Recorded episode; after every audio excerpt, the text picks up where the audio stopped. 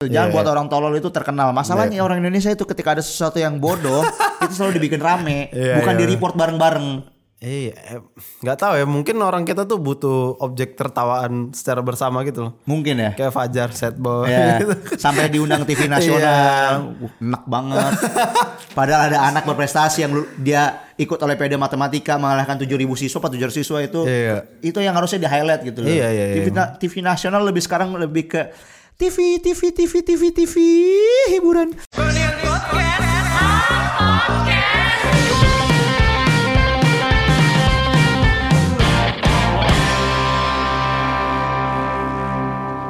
Selamat datang kembali di Freudian Podcast episode terakhir dari season ini. Gila, terakhir sama gue. bangsat, bangsat. Enggak, oh ini kan mau season baru rencananya. Iya. Apa yang akan ada di season selanjutnya? Di selanjutnya itu kurang lebih sama sih. Cuman mungkin yang berbeda eh, agak lebih apa ya? Kita Rajin kan upload. kita kan enggak. Kita kan udah tiga tahun bikin podcast nih, Hmm. ya kan? Terus gua rasa kayaknya ada pergeseran minat lah antara kita sekarang yang udah Iya. dewasa ini sama penonton kita. Oke. Nah kalau dulu kan mikirnya em, ya udahlah bikin bikin aja kebetulan mereka suka bagus gitu. Kalau sekarang kayaknya mereka udah nggak peduli sama minat kita mas Mik.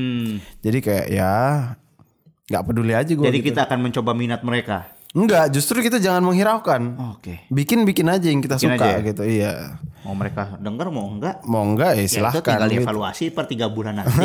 Iya. Paling ngecek di YouTube aja lah ya kan. Nah, kali ini lupa kan. Biasa ini tandeman saya udah host legend dia. Dia udah sekitar berapa? 11 tahun nge-YouTube. 75. Namanya Miko Panggayo ya. Halo. lu boleh gue mulai dari kenapa lu pakai outfit gini? Saya disu- disuruh membedah berita. Iya iya. Saya teringat Doctor Strange. Oh. Karena saya kan ngefans banget sama Doctor Strange kan. Doctor Strange bukan pakai jubah. Karena tidak ada jubah, propsnya hanya Oh. ini wardrobe saya. Ini ini sebenarnya baju medis. hmm, emang iya. Bukan baju karate ini. Ini ini Doctor Strange mau habis mandi. Iya, iya, iya. Habis Oh. bedah orang, lupa dicopot kepalanya. Iya, iya, iya. Sarung tangan mesti sarung tangan bedah ini. Eh, Mas Miko ini kan sekarang udah lumayan lama nggak di depan kamera ya. Betul, sudah sangat lama sekali ya. Iya. Kenapa? Jarang nongol. Pasti pendengar podcast ini ada yang fans lu banyak lah ini pasti. Saya sebagai tongkak Tongkat pilar pilar penyangga di produksi roda ekonomi perusahaan. di divisi produksi itu sangat Iya. padat sekali tahun kemarin ya walaupun banyak halangan rintangan tapi ya Yoi. kita berhasil survive di 2022 ya. Iyalah. Jadi mungkin saya jadi jarang nongol juga gitu. Lebih banyak ngurusin brand juga, Frank. Iya, iya. Kayak kalian event, saya ngurusin brand gitu. Iya, betul. Jadi memang harus ada apa ya? Pembagian perannya itu yang nggak apa-apa lah. TikTok ada Niki Sonia gitu. Mungkin YouTube ada Harwin gitu. Ya, untuk produksi brand, gue lebih banyak eh, perannya gitu. nggak apa. Tapi kalau happy happyan mana? Depan apa belakang? Balik lagi kita cari duit kalau memang kerja ini digaji. Iya. Saya sih di depan juga seneng gitu ya. Di belakang juga seneng asal masih digaji sih. Kalau dibilang happy, dua-duanya happy sih. Masa iya? Iya, karena dua itu adalah eh, profesi gua yang sangat berbeda. Di depan layar gua sebagai talent mungkin Iya, atau host, di belakang gua sebagai produser gitu ataupun anak produksi itu kan beda ya ranahnya. Iya. Antara lu sebagai talent dan sebagai orang produksi itu kan beda sudut pandangnya. Iyalah. Kan kalau misal jadi talent KPI-nya bikin orang ketawa ya. bikin orang happy, Iya. tidak boleh teras muka, tidak boleh sedih, Iya. harus smile terus Iya. gitu. Tapi kangen nggak di depan layar? Kangen sih tahun ini harus ada program gue yang jalan sih. Kemarin kan ada M Iya, tak kenal makan tak tak sayang. kenal maka tak sayang ini, Tak eh makan. tak makan maka tak sayang ini kayak tahun ini seminimal sebulan satu sih. Ah. Minimal harus ada lah ya sebulan Iya, satu iya, ya karena itu menjaga eksistensiku ber Berkonten. konten Ah. berartis-artisan. Tapi lu masih pengen emang. Ya kenapa enggak sih maksudnya kayaknya nggak boleh hilang sih. Hmm. ada salah satu senior gue yang ngomong lu jangan sampai hilang depan layar Oh iya. ya minimal lu jadi apa pun itu di depan layar Kan lu udah berapa? 11 tahun konten kan? Hmm. Gua aja tiga tahun podcast ada jenuhnya tuh. iya Emang lu nggak jenuh 11 tahun? nah justru karena gue 11 tahun itu gue jenuh. Makanya A2P bangkrut. Oh. Jadi gue udah capek sama Kinur di kantor gitu. Iya. Freelance gue juga nggak jauh dari industri kreatif. konten juga ya. Balik dulu harus konten kayak wah ini udah capek energi udah terkuras kayaknya udah balik istirahat dah. Hmm. Jadi gue fokusnya mana yang lebih porsinya lebih banyak menguntungkan gitu. Maksudnya lebih profit ya Iya. kerja kan daripada mengurus channel sendiri tidak ada uangnya. Kalau ada uangnya saya tidak mau kerja dong dari Iya. awal. Iya, iya. Jadi udah saya fokus ya bekerja aja. Oke oke oke. Berkonten bisa dengan cara yang lain. Di Instagram gitu Bisa ya. TikTok, Instagram, micet, Berkonten di micet. konten. Ini buat kalian yang nggak tahu Mas Miko ini salah satu legend ya yang udah Malu apa saya ya, bisa dibilang. bisa dibilang vakum sekarang. Mungkin ada waktunya bakal naik lagi di usia berapa gitu Iya, dua kita tahun ada yang lagi tahu. nggak ada yang tahu kan. Memang sekarang lagi mengasah skill-skill yang lain ya. Iya karena memang manusia itu diciptakan untuk belajar hal-hal baru. Oh, Untuk untuk mencari petualangan bukan stabilitas kalau manusia itu. Itulah ya. Kenapa Tong Sangcong mencari kita ke barat? Padahal di Gramedia ada ya. Iya kan. Jauh-jauh ke barat. Jauh-jauh pakai juga. Iya, padahal ke Gramedia ada. Ah, ini kita mulai masuk berita pertama ya. Asik. ya kita sama-sama tahu akhir-akhir ini banyak ibu-ibu yang diguyur sama anaknya. Oh, tuh diguyur sama anaknya atau mengguyur diri sendiri? Nah, Ini berbeda ya. Kita masuk dari dasarnya dulu ya. Kan kita sering lihat fotonya tuh uh, buat audiens yang dengerin hmm, apa uh, audio only nih gua deskripsiin ya. Jadi ini ada nenek-nenek live TikTok terus megang gayung gitu terus sambil mohon-mohon dikasih gift nih. Iya. Nah kalau dari nalar gue pribadi ini nenek usianya sekitar eh, 80-an 60 ke atas lah. 60 ke atas lah. Ya. Mungkin batasnya 80 terus kan nggak mungkin dia ngeset sendiri tripod Hmm. sama kameranya kan. Bisa saja dia seperti Babe Ojol yang sudah tua tapi masih high tech. Iya mungkin. Cuman kan kayaknya menge- mengemis gitu, Hmm. live tanpa henti di TikTok. gitu. Yang gua sayangkan caranya sebenarnya. Caranya menyiksa diri. Enggak. Kenapa dia dapat duit misalkan di gift baru diguyur? Harusnya dia diguyur saja terus. Kalau di gift baru berhenti dong. Harusnya dibalik dong. Oh, ya lebih parah siksaannya. Ya, yang lebih yang sekarang kalau menyiksa seperti ini kan berarti yang menyiksa yang memberi gift. Harusnya bisa di stop dengan cara lu nggak ngasih Oh iya, benar, gift. benar, benar, benar, benar, benar, benar. Iya juga ya. Simpelnya kan kayak gitu kan. iya, iya, iya. Masalah kan juga ada demand. Ini kan ada Berarti- di TikTok ya. TikTok ada fiturnya. Mm-mm. Victor ngasih gift Fitur gift. ngasih giftnya. Berarti kan ada orang yang punya hati lebih kejam lagi untuk menyiram nenek-nenek ini. Iya, dengan mengasih gift. Nah, yang salah yang ngasih gift atau, atau yang minta-minta pertanyaannya. Eh, atau makelarnya ya. Eh harusnya kan ketika disiram, ah, aku disiram, aku nyiram diri, ayo hentikan aku, berikan aku gift, Hut, berikan aku gift, langsung aku Berhenti, berhenti. Itu kan iya. tindakan yang baik. Iya, Ini masalah malahnya lu kasih lu kasih gift tindakan yang misalkan lu nyawer orang lo ya. Iya, iya. Lu ngasih gift, kasih apresiasi, tapi apresiasinya berupa menyiksa. Hmm. Anjing ngeri banget ya. Iya. Ini ini menurut gue yang salah yang ngasih gift sih, Pak. Anjing kasihan banget ya Iya, sebenarnya gue nggak bisa nyalahin sahabat-sahabat di sini karena semua pihak itu nggak ada yang dirugikan. Oh gitu.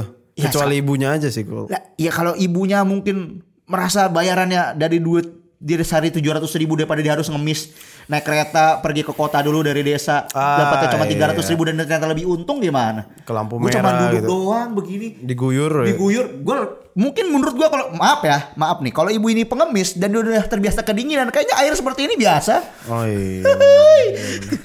mungkin nih Iya, pandangan mungkin, gue kalau ini dianggap pengemis. Iya. karena kan pengemis kan di pinggir jalan malam-malam kan asap knalpot ini dia di rumah modal bak satu kali dua meter ya kan? Modal air yang yang sudah agak-agak butek lalu dia menyiram-nyiram dirinya tanpa harus keluar transport dekat dengan keluarga bisa WFA bro. Iya. ini kan bentuk digital WFH. WFA bro pengemis aja sudah bisa WFA kan Aduh, gue bingung sih. Maksudnya siapa kita lah buat ngejudge moral Iya. orang ya? iya makanya Kalau misalnya dia kenyang dari situ, ya gimana ya? Nggak apa-apa Gue harusnya. malah lebih lebih lebih concern dengan masalah ada uh, siswa yang SMP Ciamis ya, apa SMP Bogor? Oh, yang ini lagi Jawa Barat kan dance. dancer, Iya. yang sampai Agnes mau buka suara ya menurut gua di situ prestasi. Kenapa orang dihujat karena wah ini kemerosotan mental, kemerosotan mental adalah orang-orang yang nge-give ibu ini, bro. Iya, Ini yang sebenarnya kemerosotan mental. Anda senang gitu. Harusnya seperti itu didukung. Saya aja melihat dansanya keren banget kayak di film-film Titanic ya kan. iya iya.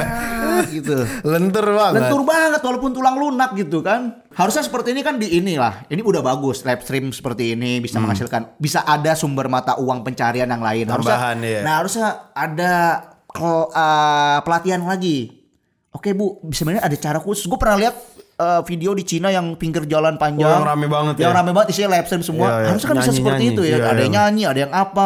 Isinya orang live stream doang gitu. Iya. Harusnya kayak gini diperdayakan. Oke, ini bisa menjadi eh, tambahan ekonomi kreatif. Lalu dimasukkan ke pajak kalau Ibu Sri Mulyani kan pemerintah kita senang banget untuk eh, mengambil-ngambil pajak seperti ini.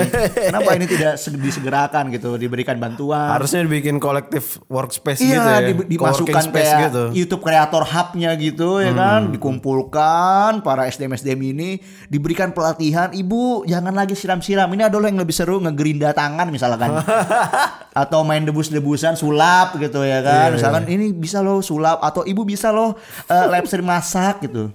Oh. Jadi dikumpulkan yang nonton dikit. Ah, ya.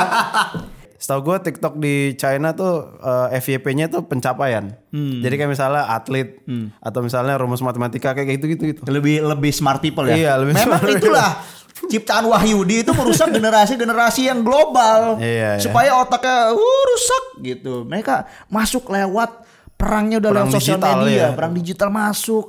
Kita diracuni oleh PlayStation, kita diracuni oleh Dota 2 dan juga TikTok, tapi bangsa barat mendapatkan hasilnya. Iya. Kita hanya sebagai bangsa penikmat, harusnya kita bisa menciptakan TikTok sendiri. Lu setuju nggak kalau TikTok di ban? Enggak. Oh enggak. Enggak. Kenapa? berapa banyak orang yang punya mata pencaharian Dari situ. dari TikTok.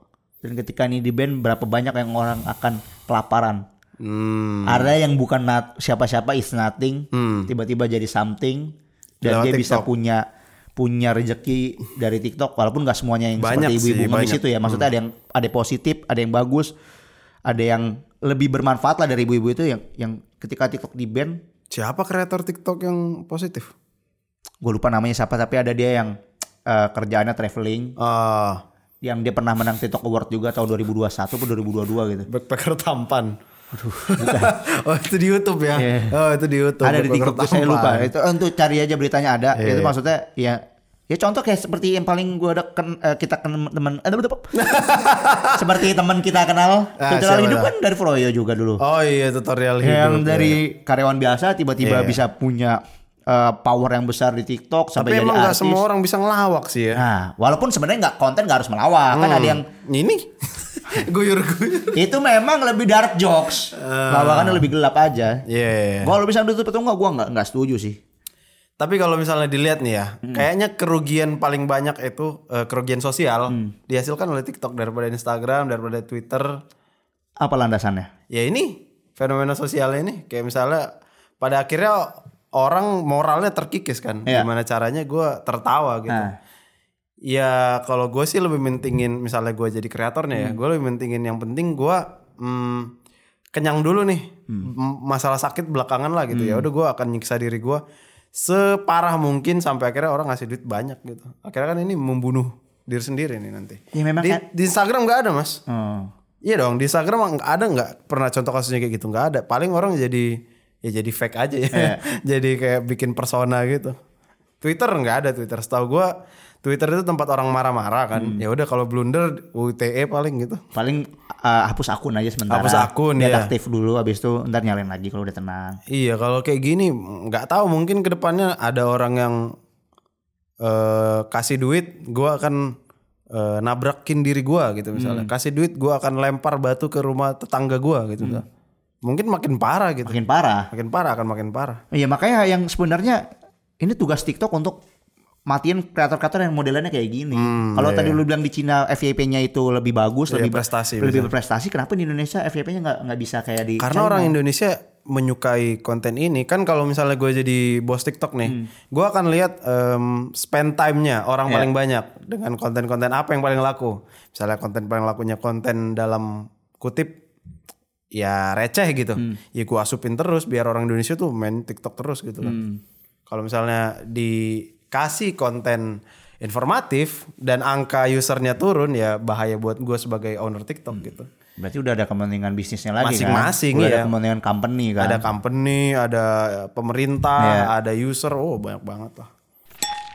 Eh abis ini kita mau bacain sobat pena lah. Ini ada beberapa. dark dark ini biasanya. Kagak, ini mah masalah cinta biasa bro. Eh kita mulai dari Masalah cinta ya. oh dari LT inisialnya LT Oh nggak boleh disebutin ya. Iya. Namanya Laila ya. urgent urgent banget Urgent ini banget mah. ini mah. Panjang banget lagi anjing. Bacain Frank. Halo Bang Frung dan Kak Sonia, salam kenal. Sorry ini Harusnya bukan- Sonia ya. iya. Panggil aja gue Lim. Gue mau nanya pendapat soal situasi gue sekarang. Be- be- be- beberapa bulan lalu gue baru putus sama cewek dari awal hubungan sebenarnya jalan fine fine aja. btw hubungan kita LDR dan ketemu kalau lagi libur kuliah. Betul. Lalu diakhiri hubungan karena satu dan lain hal. Lama-lama jadi mulai banyak masalah dan mulai toksik. Gak cuma dianya, gua juga sadar gua toksik. Walaupun itu akibat dari perilaku dia pada saat itu. Hmm. Sebenarnya mostly masalah itu menurut gue cukup biasa buat suatu hubungan, oke. Dan masih bisa diperbaiki sampai gue find out ternyata dia selingkuh sama cowok yang selalu bilang temen. Dan posisinya cowok ini baru kenal, bukan teman lama gitu. Hmm. Long story short, abis gue putus baru dua mingguan, dia udah jadian sama cowok itu, oke. Tapi sekarang dia udah sama cowok itu masih hampir tiap hari chatan, call curhat sama gua. Mana? Dan obrolan kita masih kayak orang pacaran. Sebenarnya hati kecil gue udah sadar kalau ini salah dan gue nggak mau dicap PHO. Apaan lagi? Pusat hubungan orang. Oh emang iya? Iya. Eh, dia tahu lagi. Tapi kadang otak gue mikir lah, cowok itu juga denge- deketin cewek gue. Dulu. Sekarang posisinya gue mau lepas tapi jujur aja masih sayang dan dia selalu nolak kalau diajak no contact. Oke. Ah. Ataupun temenan aja gue jadi nggak tega. Sebenarnya gue tahu gue bisa putusin secara sepihak demi kebaikan kita berdua juga. Ah. Tapi jujur gue bingung mau ikutin jalan yang benar dalam tanda kutip untuk gak ganggu hubungan orang walaupun dia dulu gituin gue ya udahlah jalanin aja biar jadi living karma buat cowok itu akibat ulahnya sendiri. Oh, jadi dia tetap akan merawat hubungan itu biar cowoknya pacar dia yang dulu Paham, paham. eh, Dia ah, dia jadi pengen kerasa tetap komunikasi ya. karena dendam dan dia ya udah kalau dia rusak juga lu dia ngerusakin hubungan gua kok. Iya. Oke, ini permasalahan yang mudah menurut saya. Kenapa mudah? Ini kan dia udah sampai nanya-nanya kita berarti dia udah stuck parah nih di kepalanya. Dia cuma tidak menemukan partner yang tepat saat berbicara. Oh. Ketika bersama saya dokter cinta, semua bisa diatasi. dokter bedah sekarang dokter cinta. Ini mau dikasih solusi dulu. Dikasih solusi boleh. Kalau gue dari gue lihat dulu ya. Yang gue lihat sih yang menang di sini ceweknya. Ya, Dia dapat dua, Bro. betul. iya. Tinggal bagaimana cara si cowok mantannya Iya. bisa mematikan posisi dia untuk tidak bergantung kepada lu. Kepada si Jim. Si Jim. Iya. Oh, Kita sebut aja Jimmy, Iya. cewek itu An- uh, Anthony, cewek Anton. cewek Alea dan cowok itu misalkan Andrea gitu. Iya, iya, iya. Nah, si si Jimmy ini harus bisa Jim ini yang ngirim surat nih. kirim ya? surat. Si Iya. Jimmy ini harus bisa lepas. lepas dari Alea. dari Alea karena Hmm. kalau nggak begitu, lu akan terus berada di circle yang menurut gua nih cewek toxic. Iya, betul. Lu udah tahu uh, Dia yang selingkuhin. lu selingkuh. Dia selingkuh. Lu masih punya muka untuk chatan sama mantan lu gitu. Iya, dan iya. masalahnya mantan lu masih menerima lu dan Iya. menurut gua lu goblok. Iyalah. Kenapa lu nggak jauhin gitu Iya. ibaratnya? Karena menurut gua ketika lu udah kayak begitu lu akan terus merasa ada efek ketergantungan nantinya. Hmm. Kayak gua kalau curhat harusnya sama Frankie terus nih. Iya, iya, iya. Ya padahal kalau udah putus mau putus aja Putus gitu. aja ya. Toh nggak ada peran tanggung jawab moral seperti lu menikah bercerai yang jadi korban anak terus lu harus merawat anak lu gitu udah beda kasusnya. Hmm. Ini kasusnya lu tidak ada ikatan ketertanggungjawabban ataupun ikatan moral. Iya. Jadi kalau menurut gua mau putus putus aja ya udah lu cari buktikan bahwa jalan yang lu pilih itu benar, jangan jalan yang salah. Iya. Ketika lu jalan benar, mantan lu akan menyesal melihat ternyata lu sekarang udah berubah. Iya, ada berkembang Lu gitu ya. berkembang dan lu merasa lebih bahagia tanpa gua. Iya. Ketika posisi sekarang cewek ini akan merasa senang kayak tadi lu bilang Frank. Dia Iya. merasa menang karena Iya. oh lu nggak ada gua tuh nggak bisa ngapa-ngapain. Jadi gua Iya, tetap mau curhat sama lu. Makin gede besar kepala iya, makanya dia bilang kalau gua ajakin uh, lost contact Nggak dia mau. nggak mau. Ya udah, wajar lah. wajar karena dia udah posisinya menang. Harusnya Iya. lu bisa membalik keadaan lu dengan 442. Anjing. lu harus attack dia jangan defend itu oke gua blok semua akses ke lu Iya. Gua nggak akan mau ngobrol lagi sama lu gua akan buktikan Gua glow up. gua glow up setelah glow up buka lagi blokirannya Nah, bikin dia nyesel lah Bikin masa. nyesel aja. Lu terus-terusin aja. iya sepele banget masalah anak sekarang Oke, lanjut dari siapa nih? NN. oke Waduh. Panggil aja Halo Bang Frung dan Cisonia, semoga sehat selalu terutama dompet. Panggil gue N, biar N. samar tapi pu- tetap punya identitas. Iya En. Jadi mau curhat dikit nih Bang, Hmm, kayaknya banyak nih. Hmm. Dan Ci, gue lagi terjebak di hubungan yang bisa dibilang platonik dan abu-abu dengan satu cewek. Maksudnya nggak ada kejelasan kali ya. oke Jadi awalnya kita ketemu, terus gue mulai punya keinginan untuk kenal lebih dekat sama Doi. Setelah gue mendekat, gue ngerasa Doi juga punya pemikiran yang sama dari gerak-geriknya. GR oke Akhirnya kita mulai dekat, mulai dari ketemuan berapa kali sampai video call rutin hampir setiap hari. Udah lewat tiga bulan ketika gue ngerasa waktunya buat step up. Doi ngeluarin satu statement yang bikin gue harus injek rem perlahan. oke gue nggak mau pacaran Statementnya itu, gue nggak mau pacaran. aku nggak mau pacaran gue mau fokus UN. mau UN gue kaget, tapi karena gue ngerasa itu momen all or nothing gamble, asik. Anjir. Gue mutusin bakal tet- tetap stay on track karena gue pingin mastiin kalau dia itu the one. Walaupun harus cukup lama nunggu. Oke, wishful thinking. Masuk ke bulan kelima, gue mulai ditampar sama red flagnya yang menurut gue cukup red buat, Buat diseruduk diseruduk banteng. She's a damn selfish katanya dia uh, apa egois ya. Akhirnya mulai akhirnya sekarang mulai terasa hambar. Gue nggak ada merasa perkembangan lagi di hubungan kami yang sekarang. Benar-benar stalemate anjing banyak banget bahasa lo bro heran gue. anak zaman sekarang gitu ya Iya kayak lo Ozar Angkuti banget ya. kayak gue harus ngikutin bahasa mereka nih biar update sama anak gue gede sini Kami masih dekat tapi gue belum berani ambil inisiatif terlalu lebih. Dan sepertinya Doi juga gak berminat untuk melakukan hal yang sama. Dari situ gue mulai nimbang lagi kira-kira kalau akhirnya kita jadian pun apakah kita bisa sama-sama maintain hubungan. Kan dia aja belum sampai mau sama lu, nggak usah mikir sampai jauh banget Jauh kayak banget gini. pemikirannya ya Di waktu yang sama gue mikir ketika gue udah mulai nimbang dan ragu-ragu gitu. Apa berarti gue udah nggak naruh 100% trust lagi seperti di awal? Ya betul. Iya, karena sudah ada penolakan di awal. Iya. Tapi deep down gue masih punya keinginan ya kan lu yang suka sama dia. Ujung-ujungnya memang Anda itu Iya. udah tahu obatnya seperti apa, Iya. Anda minum es terus gitu Iya. ibaratnya. S- Mungkin terlalu dini buat bilang gue kenal doi banget dalam waktu lima bulan. Udah lama lah lima bulan bro. Ini lu nggak ngasih tahu umur berapa sih? Iya. Jadi gue butuh saran dari Bang Frung dan Cisonia. Kira-kira gue harus tetap perjuangin atau gue lepas? Mungkin judgement dari kalian berdua bisa masukkan yang krusial untuk gue. Oke. Jangan sih, ngapain? Dia jelas-jelas dia nggak mau sama Dia lu. butuh di judgement di awal, Frank. Oh. Dan lu goblok gitu. Oh iya iya. Malah dibilang goblok sama Iya, Miko. Masalahnya lu udah tahu Nggak sakitnya nih, udah tahu nggak mau, tapi lu tetap digas. Iya. Ujung-ujungnya lu menyakiti diri lu sendiri. Iya. Saat lu udah tahu uh, bagaimana memecahkan masalahnya, ente ngegas lagi, Iya. sakit lagi. Lu pernah tahu film 500 Days of Summer gak sih? Ya kayak gitulah ini. Di si Summernya udah bilang, eh gue gak mau pacaran ya. Mau Dipaksa. terus- dipaksa terus. Masalahnya kan di ujung-ujung cewek akan menilai lu itu toxic ya. Iya gue udah bilang jangan gitu. Gue ya. udah bilang gue nggak mau pacaran. Kenapa lu Iya. masih tetap ngegas? Nah berarti kan dari sini lu udah udah diberi peringatan nih sama dia dia cuma mau temenan Iya. doang sama lu. Nah, Iya. Iya lu jangan naruh hal yang lebih kalau memang lu pengen membuktikan dia punya pemikiran yang sama. Jangan cuma dari gerak-geriknya menurut gua. Ah. Jadi lu buktikan oke lu udah nggak mau pacar lu nggak mau pac- jadi pacar gua ok, gua cari pacar pacar yang baru ya Iya, iya, iya. calon pacar baru atau gue punya pacar baru lihat apakah di situ dia ada penyesalan atau perubahan Iya, sikap iya, betul, dari betul, situ betul. adalah menemukan validasi yang tepat Iya, iya, betul, bukan betul. validasi dari dari pertanyaan yang ada di pikiran ah gue coba gas lagi lah gue pengen membuktikan dia the one Enggak, enggak gitu. Hei, anda capres aja ada tiga. Iya. Mas anda cewek cuma satu gitu. Saya aja Iya. dulu mendekatkan perempuan banyak gitu. Yang dapat istri saya cuma satu gitu. Iya, ibarat. betul, betul, Jadi lu ketika mau ngomongin the one itu harus cari cusingnya dulu. Ada kandidatnya lah. jangan satu mutlak satu iya, jangan. satu mutlak ada kandidat lain baru lu bisa timbang. Oke, Iya. si A, si B, si C siapa yang paling baik bibit bebek bobotnya. Ternyata si A eh, si A kurang, si B lebih baik. Ya udah lanjutin Ke si B B. aja, Nah, iya. Ternyata lu jadian sama si B, si A sama si C ini merasa kecewa.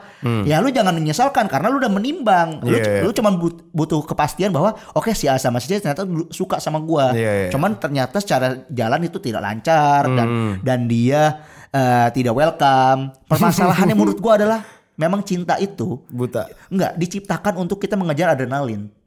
Oke. Serunya tuh di situ. Iya, iya, Ber- eh, jatuh cinta, pacaran, berumah tangga itu serunya adalah ketika lu merasa deg-degan, merasa khawatir, merasa takut, merasa overthinking. Iya. Kalau nggak ada itu tuh hambar. Oke. Ketika lu merasa itu tenang-tenang saja, cinta lu tidak sedang baik-baik saja gitu. Oke. Makanya diciptakan permasalahan-permasalahan dalam dalam hubungan ya. Iya, iya, iya. buat ngetes ya. Nah, si doi ini memang dia adrenalin ras kalau melihat dari kepribadiannya. Dia sangat suka sekali mengejar oh, dia mengejar. suka dari bilang enggak tetap Wah, dikejar tetap ya. dipaksa. Jadi iya, iya. menurut gue dia adalah kepribadian yang wah aku aku suka banget seperti ini. Memang sakit hati itu sangat nikmat. Masa dia menurut gue dia salah untuk mencari the one tapi tanpa ada pilihan. Iya, betul, Jadi betul, cobalah bro, Anda coba move on, coba cari alternatif perempuan lain. Kalau memang nanti hubungan kalian berteman baik-baik saja dan kalian punya pacar masing-masing, Iya. tuh kalian bisa jadi sahabat bareng gitu. Iya. Atau mungkin gue gue sempat mikir atau mungkin jangan-jangan si mbaknya emang nggak tahu dirinya ini, sendiri aja iya. ya, nggak nggak cukup kenal dirinya. Ya ketika lu mulai bilang, eh gue ya udah kalau sekarang gue nggak usah deketin lagi berarti ya, gue Iya. cari cewek lain ya. Terus dia jangan, Jangan. jangan di gue suka ya bisa jadi gitu Atau kan. bisa aja mungkin ternyata posisinya gua nggak tahu ya umur dia berapa ya kan. Hmm, Posisinya ternyata 2 3 tahun lagi setelah kalian lulus sekolah dan bekerja malah jadi jodoh. Iya. Dan karena sudah sama dewa, sama dewasa kan, Iya, kita nggak ada yang pernah tahu jodoh orang kan. Cuma masalahnya kalau memang sekarang tidak berjodoh, jangan dipaksakan sih. Coba cari pengalaman lain la- lagi lah. Iya betul Gitu ya, betul, ya. betul, betul. Gitulah Mas N ya, kayak udah cukup lah dua aja nggak usah banyak-banyak pusing gue. Jadi ya itu tadi eh, sedikit berita eh, yang lumayan mengganggu gua dan Mas Miko, terus juga udah ngebacain sobat pena. Nah di akhir episode ini gue mau ngasih tahu kalau eh, Friend Podcast akan ada break season ya sekitar dua minggu ke depan. Keren. Ini benar yang gue bilang tadi di awal tuh kalau gue bilang eh, akan ganti season, ya benar ganti season akan ada intro baru, akan ada thumbnail Hmm. Narasumber baru, baru ya. narasumber baru dengan kaliber-kaliber yang lebih besar lah Ya, gitu. Ipang udah harus siap mencari narasumber sendiri. Iya, nanti kita kasih teaser aja ya. Hmm. Yang pertama itu mungkin em, salah satu eh, bisa dibilang pimpret media di Jogja. Iya. Satu. Yang kedua itu salah satu vokalis band yang frontman-nya ah, frontman dari band yang lagi naik banget lah. Yang Dua-duanya gue eh, excited banget mau ngomong sama mereka. Jadi untuk kalian yang eh, sudah mendengarkan Friend Podcast sejauh ini umur di tiga tahun ini terima kasih. Terima kasih banyak. Terima kasih banyak dan akan apa ya akan ada perubahan yang mungkin sedikit banyak tidak apa ya tidak membuat nyaman tapi percayalah itu perlu untuk gua untuk lu untuk kita semua biar progresif lah ya. Ya karena tanpa kalian kami bukan apa-apa ya. Enggak sih, gua tetap gua tetap kaya, gua tetap ganteng. enggak, enggak bercanda bercanda. Terima kasih para pendengar Freudian Podcast, para pengikut Freudian, pembaca, pembeli merch semuanya terima kasih yang sebanyak-banyaknya. Ingat jangan give nenek nenek-nenek. buat diguyur. Iya. Lebih baik Anda ke kitabisa.com Iya, di sana banyak yang butuh dibantu. atau sebenarnya gue ini gue sorry ya gue panjangin. Mangga, mangga, mangga. Kalau memang lo mau ingin membantu orang, lihatlah saudara keluarga ter- terdekat dulu. Hmm. Itu bener. Keluarga terdekat ada siapa yang membutuhkan bantu. Iya, betul. Jangan jauh-jauh. Maksudnya ada peribahasa yang bilang gajah di pelupuk mata tak nampak, semut di ujung lautan baru kelihatan gitu. Oh, set. Semut yang kecil di ujung lautan Iya, kelihatan. bisa kelihatan gitu. Tapi ya. gajah di pelupuk mata lu nggak kelihatan gitu. Iya, ya lu iya. lihat dulu keluarga lu, orang tua lu Yang lagi susah terdekat nggak? ya, siapa yang butuh Kakak ibu, dibantu. Hmm. kakak adik lu lagi susah nggak? Sepupu lu ada yang susah nggak? Kalau nggak ada yang susah, tetangga ada yang susah nggak? Bantu Iya. dulu yang terdekat, baru bantu ke yang lebih jauh lagi. Nggak apa-apa. betul, Karena hal yang kecil itu dimulai dari yang dekat, Betul banget. bukan dari yang kecil. Iya, iya. lagi pula kalau lu bantu yang deket kan lah langsung terasa impactnya. Iya, jadi Lu lihat kelihatan. reaksinya lebih bahagia gitu. Lu lebih dapat respect. Hmm, lu kerja juga nggak kayak hampa gitu kayak gua sekarang. Enggak lah kan udah ada cicilan. Wah, Iya. Ya, Oke, itu dia. Eh, terima kasih sudah mendengarkan Friend Podcast. Saya Haris Franky dan Saya Miko Panggayo. Kami berdua pamit undur diri. Sampai jumpa di broadcast season baru. Bye guys.